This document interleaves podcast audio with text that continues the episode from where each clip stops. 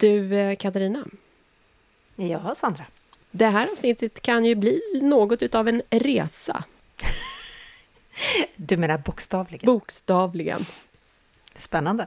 Livslångt. En podd om lärande.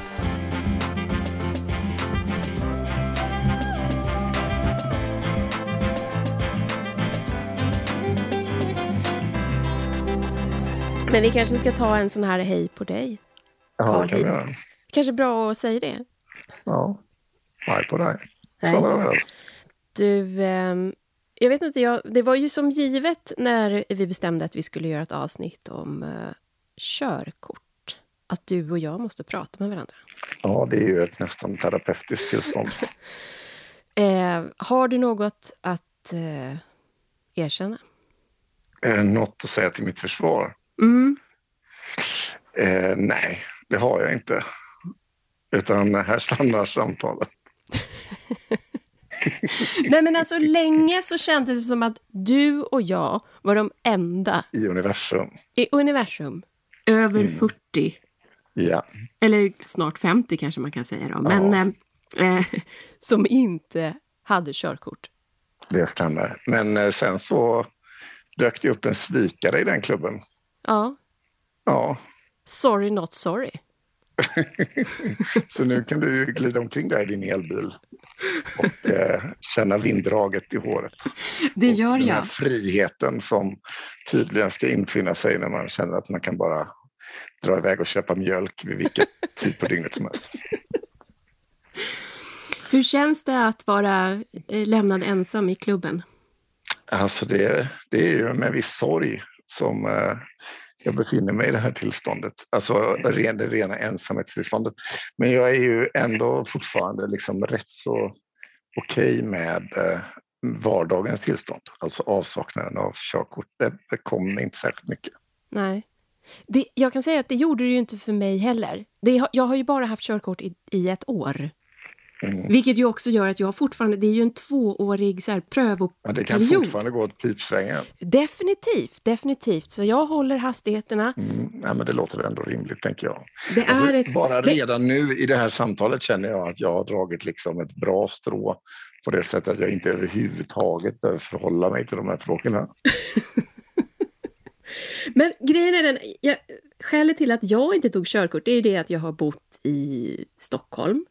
Mm. Jag har, eh, när jag har rest så har jag ju ofta rest till storstäder där det inte har behövts eh, hyras någon bil och jag har inte behövt det då på vardaglig basis riktigt heller. Eh, förrän Sen nu. blev du medelålders landsbygdsbo. Ja, men lite mer så jag. Det, nu behöver jag köpa mjölk emellanåt. Ehm, så. Och sen så har det ju, det är ganska dyrt. Mm. Och sen har jag känt, jag är ingen bilförare. Mm. Och så har jag alltid haft en chaufför. Mm. Så när folk har frågat så här, ja men är det, det vore väl häftigt att ha ett körkort? Jag bara, men det är inte häftigare att ha en chaufför. Mm. Jo, nej men det är, ju, det är ju enklare på vissa sätt. Och sen är det ju uppenbarligen... Alltså det, jag har ju väldigt sällan träffat någon som har ett körkort som har ångrat att de skaffade ett. På det sättet så känns det som att det finns ju någonting i det där körkortet och ägandet som man som liksom icke-körkortsinnehavare inte ser och förnimmer. Men du har ju passerat den här kunskapens slöja och befinner dig i det här nya och andra tillståndet. Och jag är ju lite speciell. För att Ja, alla... När, när jag tog... Det här var intressant. När jag tog körkortet eh, så folk runt omkring mig, de tänkte ju tillbaka då på sina 18-åriga jag.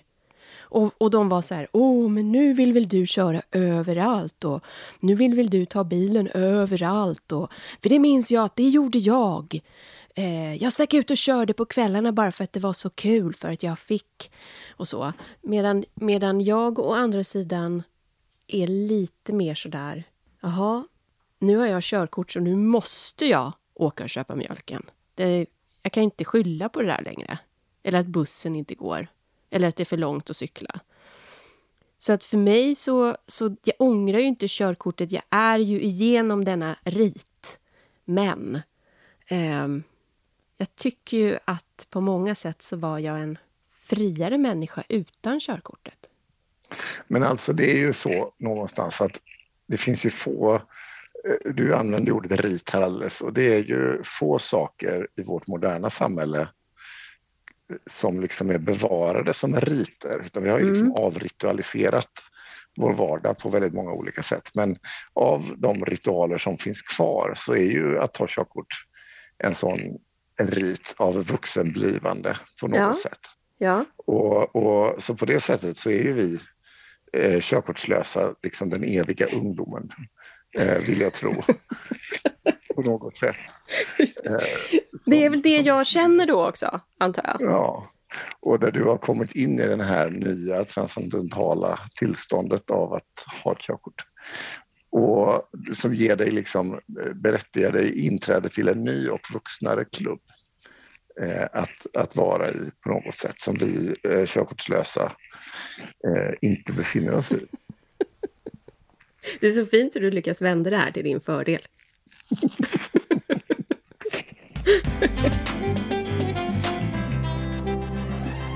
Jag tog körkort för drygt 20 år sedan.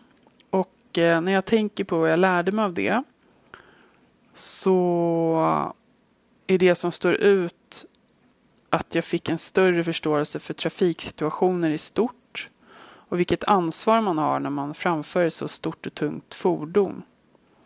Och hur viktigt det är med tydlighet och kommunikation, både i trafiken och liksom anvisningar i trafiken.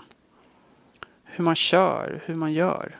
Ja, det var ju 27 år sedan jag tog körkort nu. Och eh, teoriprovet var ju det provet som jag eh, tror jag pluggade hårdast till av alla prov upp till den åldern. Och det tror jag handlade om att jag ville verkligen klara det provet, vilket jag kanske inte hade känt på skolans utmaningar tidigare. Just att ta körkort är, blir en väldigt stor grej, framförallt när man som jag växte upp utanför storstan så blev det ju ett sätt att ta sig till ställen vilket skapade helt nya möjligheter. Ja. sen finns det tyvärr saker som jag har glömt som typ vissa skyltar, deras betydelse eller hur man fick parkerar, vilket jag typ undviker nu för tiden helt. Och sen hatar jag att köra på okända vägar eftersom jag har så himla dåligt lokalsinne. Det var ju stor skillnad på de som tog körkort och de som inte eh, tog körkort för att eh, det blev helt andra möjligheter att se nya saker, att hitta på grejer. Jag tänker att det finns fler sådana saker man kan eh, lära sig som öppnar, öppnar nya dörrar. Man kan liksom lära sig nya språk eller eh, en ny hobby där man möter nya människor som man kanske aldrig skulle mött annars. Helt orelaterat till körkort egentligen.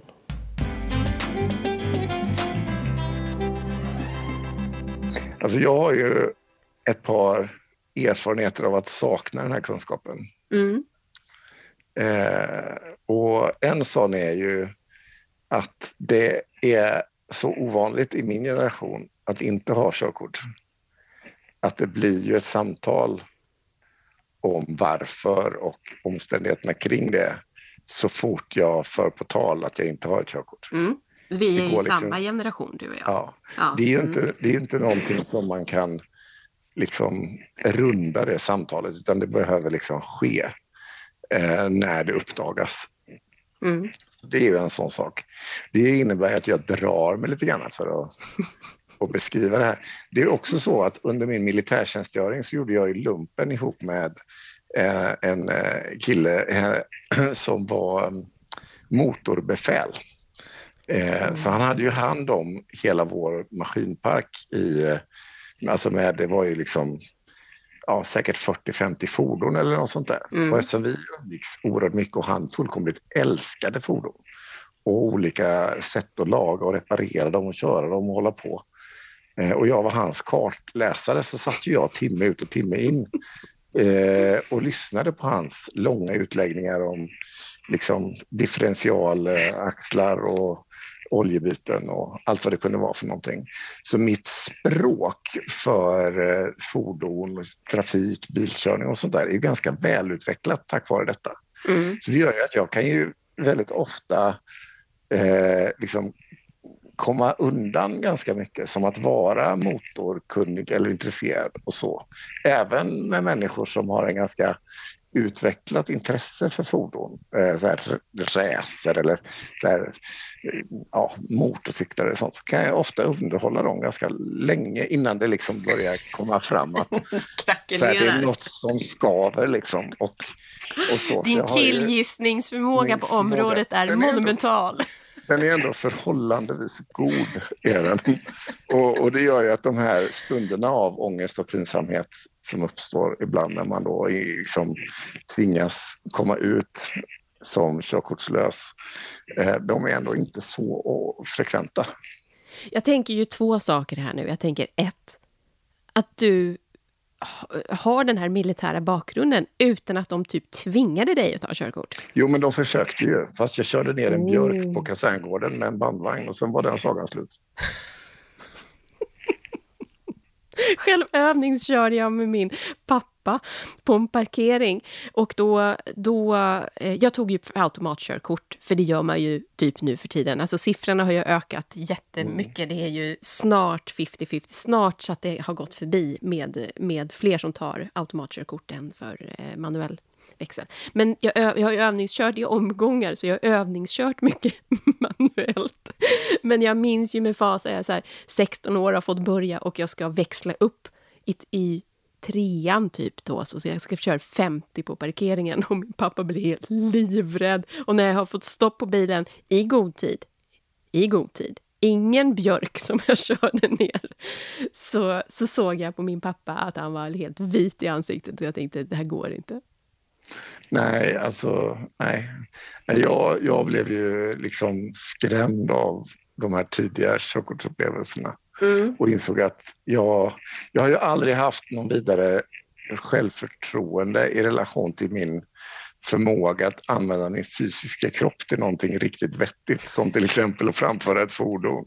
Jag har alltid betraktat mig själv som ganska så farlig eh, på något sätt i det här sammanhanget för, om, för omvärlden. Då. Mm. Så det, jag har liksom rationaliserat det här att jag inte har ett körkort som en form av välgärning till omvärlden. Att jag liksom inte bidrar till ännu en pinne i statistiken. Mm, mm. Men eh, jag, har ett, jag har en fundering där också, men jag tänkte bara säga att den andra saken jag tänker på är ju att jag som tjej har kanske inte blivit lika ifrågasatt som dig, du som kille ändå, med det här med bil. Det är så förknippat också, bilar, kille, du ska liksom Ja, eh, ja, det vet jag inte såklart. Nej. Men, men jag, det, här, alltså det är ju framförallt män upplever jag som kan vara ifrågasättande till eh, det körkortslösa tillståndet generellt sett. Ja. Eh, om man räknar ut om man bortser från själva från familjen då, som ju alltid konsekvent har ifrågasatt detta. Mm. Mm. Mm. Men sen så tänker jag på det här du säger att du är farlig framför ett fordon. Mm. För att eh, eh, jag vet ju att du cyklar ju mycket. Ja. Jag, jag tycker ja. inte ens att jag är bra på att cykla nämligen. Nej, men jag, jag anser inte heller att jag är bra på att cykla. Eh, utan jag är ju farlig också i det sammanhanget. Men en cykel inbegriper ju mindre skada på omvärlden om man råkar ut för någonting än en bil. Ja. Så det jag kan ju ta skada såklart. Men mm det är svårare för mig att skada andra på min cykel. Mm. Så det är ju en mer harmlös eh, eh, på det sättet eh, fordons... Precis, bara, bara, bara en späd ungbjörk är i fara liksom. Ja, precis. Ja. Jag var gammal när jag tog körkort. Jag var 35. Och jag hade prokrastinerat det väldigt länge. Och Bland annat för att jag inte kände att jag litade på mig själv i trafiken. Jag förstod inte hur det skulle gå till. Hur skulle jag som är så disträ och hopplös, hur skulle jag kunna funka i att köra bil? Eh, något intressant när jag väl började övningsköra, när jag väl började träna och köra var hur jag upptäckte att vägar, trafiken, bilvägar är som en annan värld, parallell värld. När du befinner dig på vägen så finns det plötsligt inte så många olika alternativ att välja mellan. Du kör rakt fram tills du kommer till en korsning och då kan du bara välja vänster, rakt fram eller höger. Eh, och så följer du den snitslade banan och alla vägskyltar och alla vägar ger, är, som, är som ett spår som du följer. Du kan inte köra vart som helst med bilen och det är inte så många olika beslut att ta. Det som jag var van med tidigare var ju att promenera och gå och cykla och då är du ju överallt på ett helt annat sätt. Du kan ju gå vart som helst, hur som helst. Men när du kör bil så följer du en snitslad bana. Det var mycket lättare att köra bil än jag trodde det skulle vara. I alla fall efter första gången jag hade försökt mig på och faktiskt lyckats med att ta mig upp på en motorväg utan att drabbas av panik. så.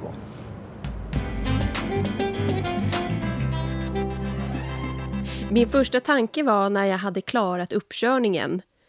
Eh, det var, vet Trafikverket verkligen om det här? Är det här verkligen korrekt beslut? Och då kör jag rätt okej. Okay. Och hade rätt okej okay på, på provet, på teoriprovet också. Så det var ju liksom inga konstigheter, klart jag var godkänd. Men jag kände ändå att det här, nej, det här ifrågasätter jag lite. Men det gör ju de också genom att ge dig en tvåårs prövningsperiod. Precis, precis. Mm. Fakta om körkort. 78 procent av Sveriges befolkning 18 år och äldre har körkort för personbil, men den siffran varierar. Högst körkortsinnehav hade år 2021 åldersgruppen 65 till 79 år med 87 procent. I åldersgruppen 18 till 24 år hade 60 procent körkort. Omkring hälften som kör upp klarar förarprovet på första försöket. Likadant med teoriprovet. Om du kör upp i Umeå är det större chans att du klarar uppkörningen än om du kör upp i Sollentuna eller Södertälje. På uppkörningen ska du givetvis klara av olika moment av bilkörning men en av de vanliga orsakerna till att bli kuggad är att du brister i din avsökning, det vill säga hur du tittar när du kör bil. I Egypten behövde man tidigare bara köra 6 meter framåt och sen bakåt för att klara sin uppkörning. Men nu har de gjort det lite svårare och också infört ett teoriprov med 10 frågor.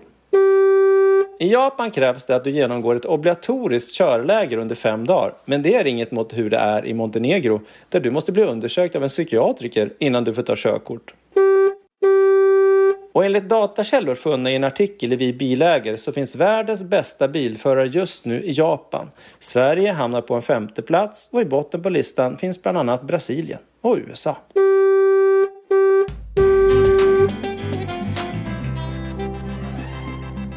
Men då så, då, ja. presenterar vi oss då. Ja. Du får börja. Ja, hej jag heter Rut och jag är 16 och bor i Visby. Och jag heter Fia och är mamma till Rut och jag är 43 och bor i Visby. Yeah. Vi har ju fått några frågor ifrån Sandra. Och då kommer fråga ett. Ni ska nu övningsköra tillsammans privat och har då gått en förberedande kurs på Trafikskolan. Vad fick ni för tankar under den kursen? Ska jag vara helt ärlig? Ja. alltså jag är inte så bilintresserad så jag tyckte inte att det var så jätteintressant. Eh, men jag blev ändå taggad på att prova köra. Sen har jag inte kört så jättemycket sen dess.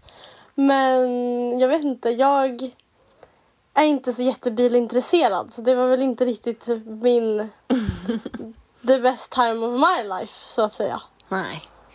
Nej, det var ju också den där förberedande kursen var ju som viktigt att den var en viss längd. Det kändes lite som att den kunde gått snabbare. Eller det hade kunnat, på den tiden hade man kunnat fått mer information än det man fick typ. Mm. Kände jag. Och mera tankar som kom till mig mer än att jag visste att vi skulle som sitta där. Det var ju också på ett sätt att jag förstod när vi började gå igenom lite övningar och sådär att det var ganska det, var, det är ju mycket som man gör automatiskt som bilförare. Men som, som jag inte förstår att man ska göra. Och som jag inte tänker på, för jag är inte heller så intresserad av, av liksom, jag tycker inte det är tråkigt att köra men jag tycker inte det är så kul heller och inte så här bil intresserad heller direkt. Så att det var liksom, jag insåg vad mycket som jag gör utan att tänka på. Jag insåg vad mycket det är. Nu kom det en helikopter. och vad mycket det är som, jag, som man behöver förmedla. Så tänkte väl jag. Ja, och jag känner väl... Jag kan ju, man kan ju lite trafikregler sen innan, som att man cyklar och så. Ehm, och sen bara att man kan lite. Men då insåg jag väl att det var väldigt mycket som jag inte kan också. Ehm, Som ändå är viktigt om man cyklar att kunna veta.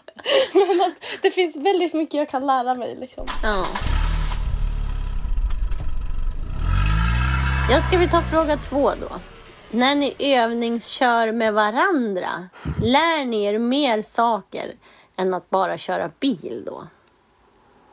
Om vi lär oss saker om varandra eller vad? Nej, när vi övningskör med varandra, om vi Ja. lär oss mer saker än bara själva bilkörandet då? hantera stress. Typ, eller första gången jag övningskörde då blev jag så overwhelmed så att jag bara så skrattade. Jag, jag visste liksom inte vad jag skulle göra så jag bara satt och skrattade för det kändes så mycket liksom. Så jag, jag tog rattet och så skulle jag börja och, och så förklara du och så fattade jag inte. Eller det var så mycket liksom för det är så mycket nytt. Så det är så många nya intryck så, men man lär sig väl alltså att vara mer uppmärksam typ. Ja, och sen var det ju, för att du hade ju kört med pappa två gånger innan du körde med mig. Och det gjorde ju att jag visste ju inte riktigt vad du kunde. eh, så att jag kände väl mer också från början att, att eh, Nej men jag, jag vet inte, om man lär sig mer saker. Jag insåg att jag hade svårt att hitta de rätta orden för vad du skulle göra. Alltså jag vet att han bilför, alltså på övningskörningskursen så tog han ju ett festligt klipp för att göra oss på lite glatt humör med Wahlgren-familjen när mamma Wahlgren sitter där och skulle liksom lära dotter Wahlgren hur man skulle köra och hon kunde ingenting visade det sig. Mamma Wahlgren var helt kokobäng. Det var ju skojigt klipp. Men jag kände mig lite som henne faktiskt. Att jag hade jättesvårt att förmedla mig vad det var som jag egentligen ville att du skulle göra. Ja, och då, då blir det svårt för mig att ta åt vad jag ska göra. För jag kan ju inget sen innan så det är bara min kära mammas ord jag får lita på. Ja, och de orden var ju, det var svårt. För Jag, hade, jag tyckte nog att det var ganska svårt att säga vad du skulle göra just eftersom det var så mekaniskt. Och om det är någonting annat än att köra bil, ja men jag lärde mig väl att det är svårt att det är svårt med höger och vänster. ja, det lärde jag mig. Okej. Fråga tre. Är det livsviktigt eller viktigt för ens liv att lära sig köra bil? Adderar det till ens livslånga lärande? Det är inte livsviktigt, man kan ju klara sig utan att köra liksom. Men normen är ju att man kan köra.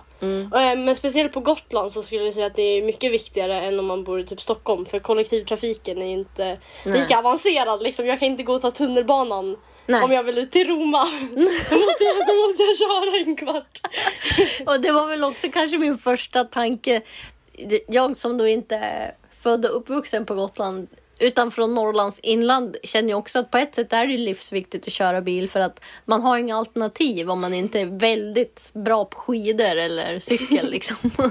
Men det är ju så att det är jag tror att det där det blir en ganska geografisk fråga lite grann vart man bor. Bor man i en större stad med bra kollektivtrafik vet jag inte om det är livs... Det är ju inte livsviktigt då, men däremot så tycker väl jag att ja men som förälder om någonting hade hänt er och jag behövde få er till sjukhuset. Det är såklart man kan ringa till ambulans men man kan också dundra iväg. Men kanske inte så bra i och för sig. Fast tänk om något händer er och jag finns här och jag kan inte köra. Då är det ju livsviktigt. För då om du skulle Ja, om du är vuxen då. Ja, om jag är vuxen och du skulle ligga sprattlandes på golvet och, jag, och, jag, och så kan jag inte ringa en ambulans. Då om jag inte kan köra ner dig då är, det- då är det ju livsviktigt Ja, att jag kan köra. ja det är på så vis. Det, men det, det är ju det. Det är viktigt om någon håller på att bli jättesjuk eller någonting. Men det är ju viktigt, alltså, det är viktigt på det sättet att man lär sig att ta ansvar på ett annat sätt och då kan man se trafiken också ur ett annat perspektiv för det blir ju livsviktigt om man tänker på trafikmässigt liksom. Mm. Att det är ju jättebra att kunna trafikregler för att kunna bidra liksom, till säkerhet Ja. för alla. Liksom, inte bara en själv när man är i trafiken, om man går, cyklar eller vad det är. Men också för andras skull. Liksom. Så det blir ju egentligen livsviktigt om man tänker på att det sker ju trafikolyckor ganska ofta. Så då, Du är så klok Rutan. då blir det ju viktigt. Jag tänkte inte på det, men det har du ju helt rätt i. Och det jag tänkte på också var att jag känner mig ganska stärkt i att jag vet att jag kan hantera en bil också. Just kanske för att Ja, för att jag inte är så himla bilintresserad så vet jag att det sitter ändå i ryggmärgen. Jag vet hur man gör. Jag fattar själva grundmekaniken och principen för en bil. Och då tycker jag att jag känner mig ganska stärkt att jag har den kunskapen. Oavsett vad som händer på något vis. Att jag, jag vet att jag har det. Eftersom man färdas ju varje dag så då är det ju bara bra om man kan göra det på ett säkert sätt. Liksom. Ja. Ja, du är ju så bra. Så det Sandra, med det så har vi gjort detta. Och jag vet inte om någon blev något klokare men det var en trevlig stund. Ja, en skojig stund. Okej, ha det bra. Hej då! Hej då!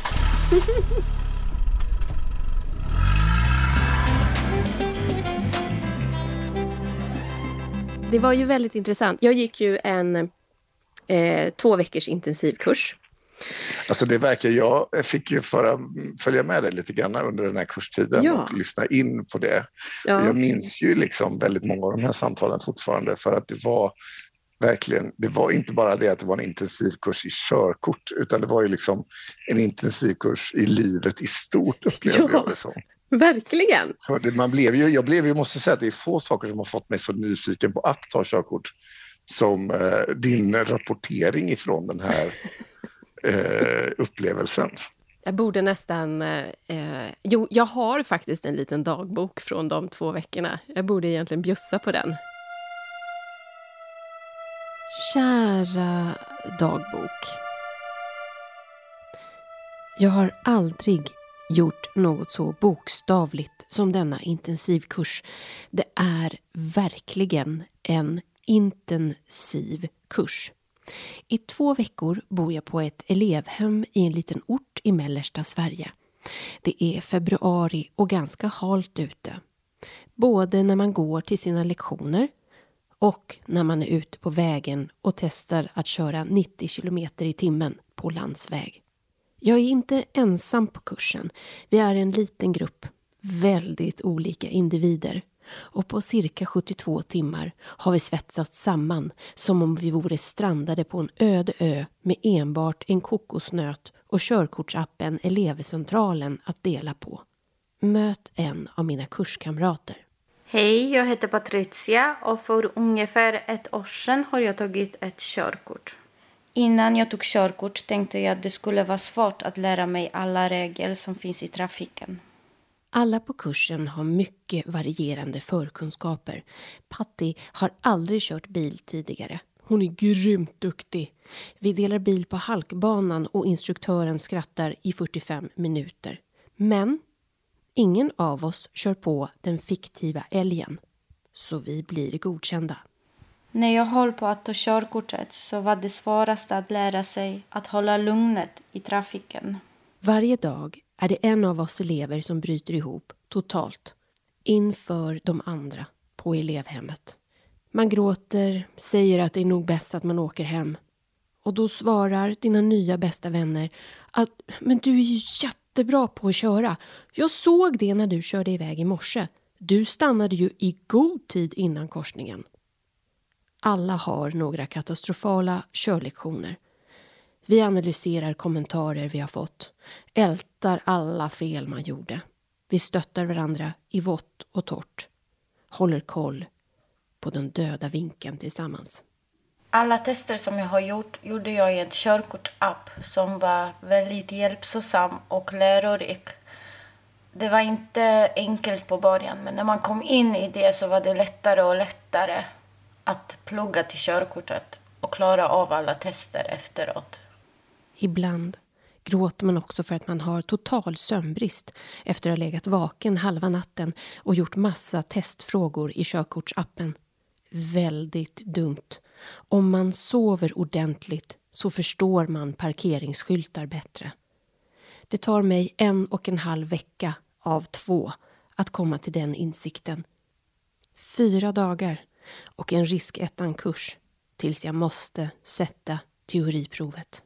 Nu efteråt, det jag kommer ihåg bäst från körkortslektionerna var vänstersväng. Och det jag kommer ihåg minst av var högerregel.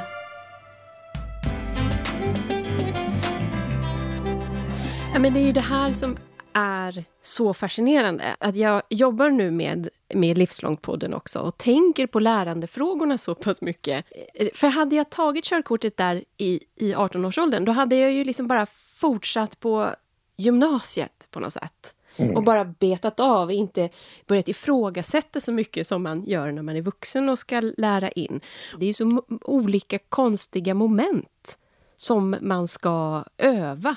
Och dessutom då när man också betänker att den här gruppen som vi var eh, på just den kursen jag tog, vi var ju så olika personer. Och alla ska matas igenom samma material och samma lärande. Eh, det, det, ja. Men alltså uppenbarligen så lyckades ju den här processen. Det var ju en framgångsprocess i någon mening. Eftersom du kommer ut ur den med en ny färdighet och kunskap som du dessutom har en liten plastbricka som talar om att, att du har. Ja. Så det är en ganska cool grej på det sättet. Ja. Okej, okay, jag ska inte pressa dig. Men en intensivkurs på två veckor skulle du ändå, tror jag, tycka var otroligt intressant. Alltså om jag skulle, alltså det här är ju intressant det här med lärande och motiv och motivation och vad är det som gör mm. att man vill lära sig någonting och inte.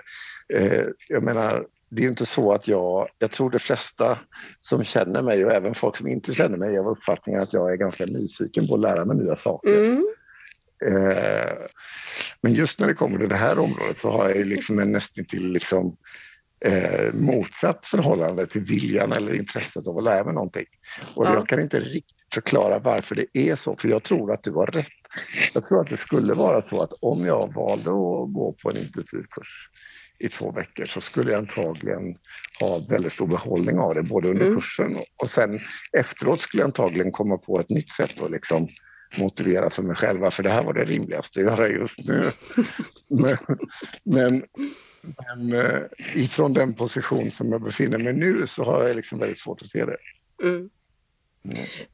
Men det var, jag tror att det jag var orolig för innan, eh, jag, förutom då att vara på eh, vägen eh, bland andra bilister. Ja, det verkar fullkomligt livsfarligt.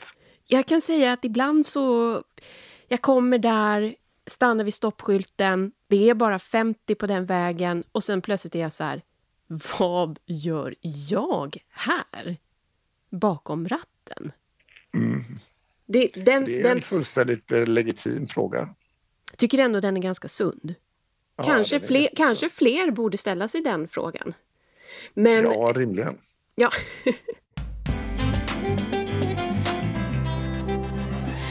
eh, men sen så, det jag var orolig för det var just det här att jag tänkte när jag gick i skolan, jag var ett sånt jäkla S på att lära mig saker. Jag var ju som en svamp.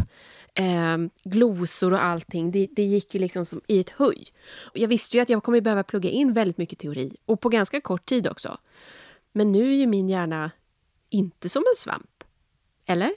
Mm. Eh, för jag blev så här, vad har jag ens för process att lära in? Och jag insåg att eh, det var exakt likadant.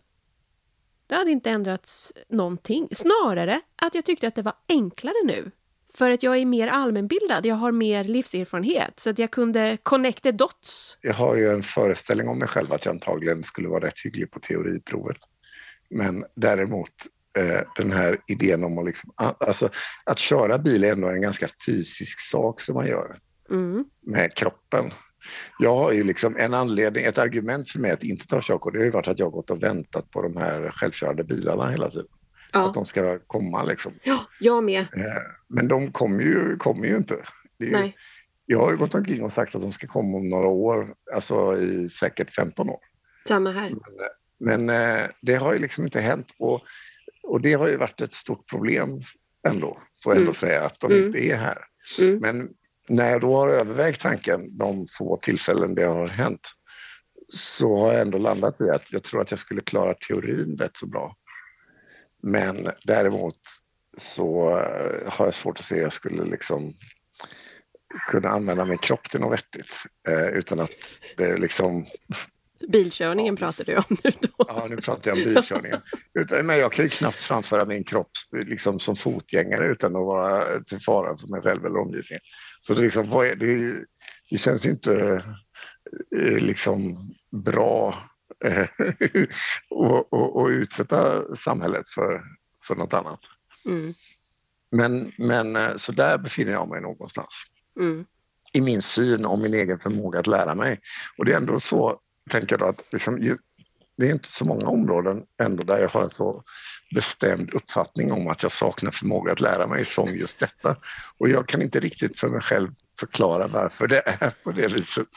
Men det är en ganska så liksom eh, fast inetsad föreställning. Det är som att jag, jag, bara, jag skulle bara vilja säga det, gå intensivkursen och se. Du behöver ju inte köra upp om det är så. Eller så kör du upp och flunkar. Jag ska viga två år av mitt liv för att lära mig att två köra. år? Två, två, två veckor. Två veckor. veckor. Ja, precis. In baggis. För att undersöka lärprocessen i, i körkortsintensivkursen. Mm, precis. Jag eh, har ju under de här 28 eh, åren eh, Eh, eller mer, 30 åren, som jag ändå haft möjligheten att ta körkort, vid flera tillfällen faktiskt tagit ett sånt här lämp. Heter det. Ja, jag var inne på mitt tredje. Ja, men jag har ju passerat tre. Men jag har aldrig sen gjort någonting med dem. Nej. Nej, det har ju varit en väldigt lätt sak att göra. Mm. Det har funnits perioder där jag ändå haft liksom en idé om att jag ska göra mm. någonting som jag sen mm. inte har realiserat. Mm.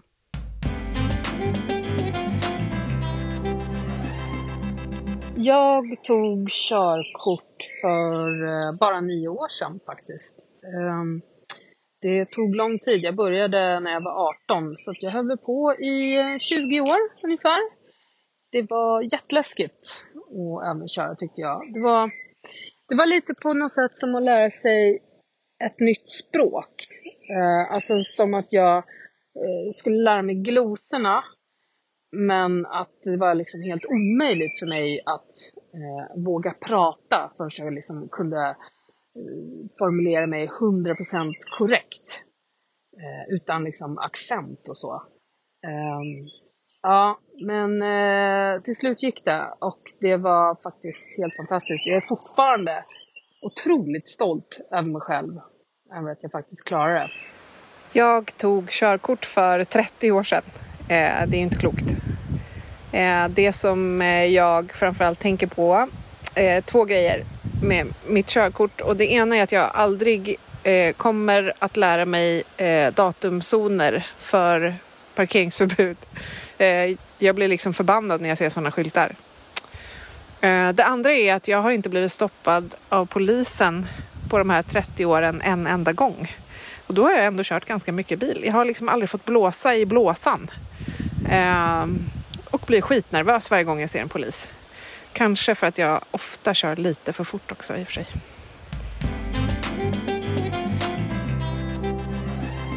Jag behöver någon att prata med som har, har, eh, den här, har den här erfarenheten av att ta det som överårig. Det är det. Ja, jag förstår. Ja. Ja, det kan jag förstå att det behövs någon form av liksom terapeutisk efterarbete när man väl har gjort körkortet. Ja, mm. definitivt. Ja, det, det kan jag tänka mig. Eller så försöker jag bara få över dig på den mörka sidan. jag tänker ju att det är liksom en last man standing situation ändå lite grann. Mm.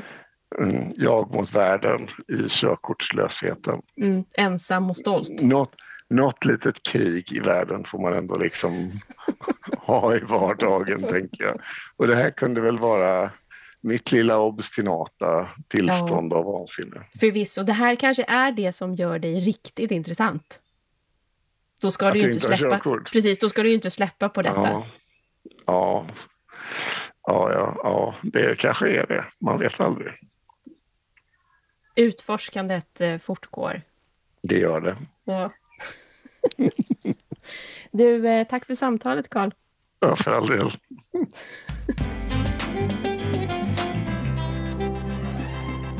Och nu Eftersnacket. Jag tänkte här på en sak, Katarina, att ehm, det är ju en, en ganska uppenbar komponent som nu inte har varit med i det här avsnittet om körkort och att ta körkort. Vi har ju inte haft med någon trafiklärare. Nej, nej, just det. Vi har bara pratat om den andra sidan. Ja. Så jag tänkte, är inte det en bra framtida gäst? Absolut. Åh, om jag kunde hitta min... Det är ju på dinosaurietiden då, för jag har haft körkort lite längre än du. Men han var ju så fantastisk. Eh, och jag gick ju faktiskt tillbaka till honom och körde upp när jag jobbade på P3. Och kuggade. Eh, vilket var väldigt, väldigt, väldigt roligt. Eh, eftersom hela vinkeln var just då att man, det här lärandet eh, blir ett sånt lärande som sitter i kroppen, som vi har pratat om tidigare nu i sommar, och som då eh, du slarvar med senare. Alltså du drar över heldragen linje och du gör sånt som Mm. du liksom var väldigt noga med. i början. Det hade ju varit så fint. Men eh, vi kan väl se om vi hittar honom, eller någon annan. Mm. Jag tycker vi återkommer till det här. Ja, tycker jag För också. det är ju lite så att ta körkort, det är som den moderna lumpen-historien. Och det är ett slags vuxenlärande. Verkligen. Eh, Det är ett lärande som man gör i, i så många olika åldrar. Det är Mm. inte bara nykläckta studenter, 18-åringar, som tar körkort. Det finns hopp för Karl, det är det du menar? Nej, Jag tycker vi återkommer till, eh, vi återkommer till det här. Ja, Och det gör att vi kanske kan pressa Karl också i den här frågan. Ingen press Karl, men, men press. Ta körkort. Och nästa vecka så är det tillbaka med de mer regelrätta avsnitten med en gäst. Precis. Eller? Det tror vi, men vad vet man? Vi kanske fick sån smak för det här så att vi får fler såna här framöver. Vad vet vi? Ja, vi får se. Ja, det var allt för det här avsnittet av Livslångt. Tack för att du lyssnade, hälsar vi som har jobbat med avsnittet som då är Sandra Löv, Carl Heath och jag som heter Katarina Pietschak. Du har just hört Livslångt, en podd från RISE om allt det där man lär sig i livet. Vi hörs om en vecka igen.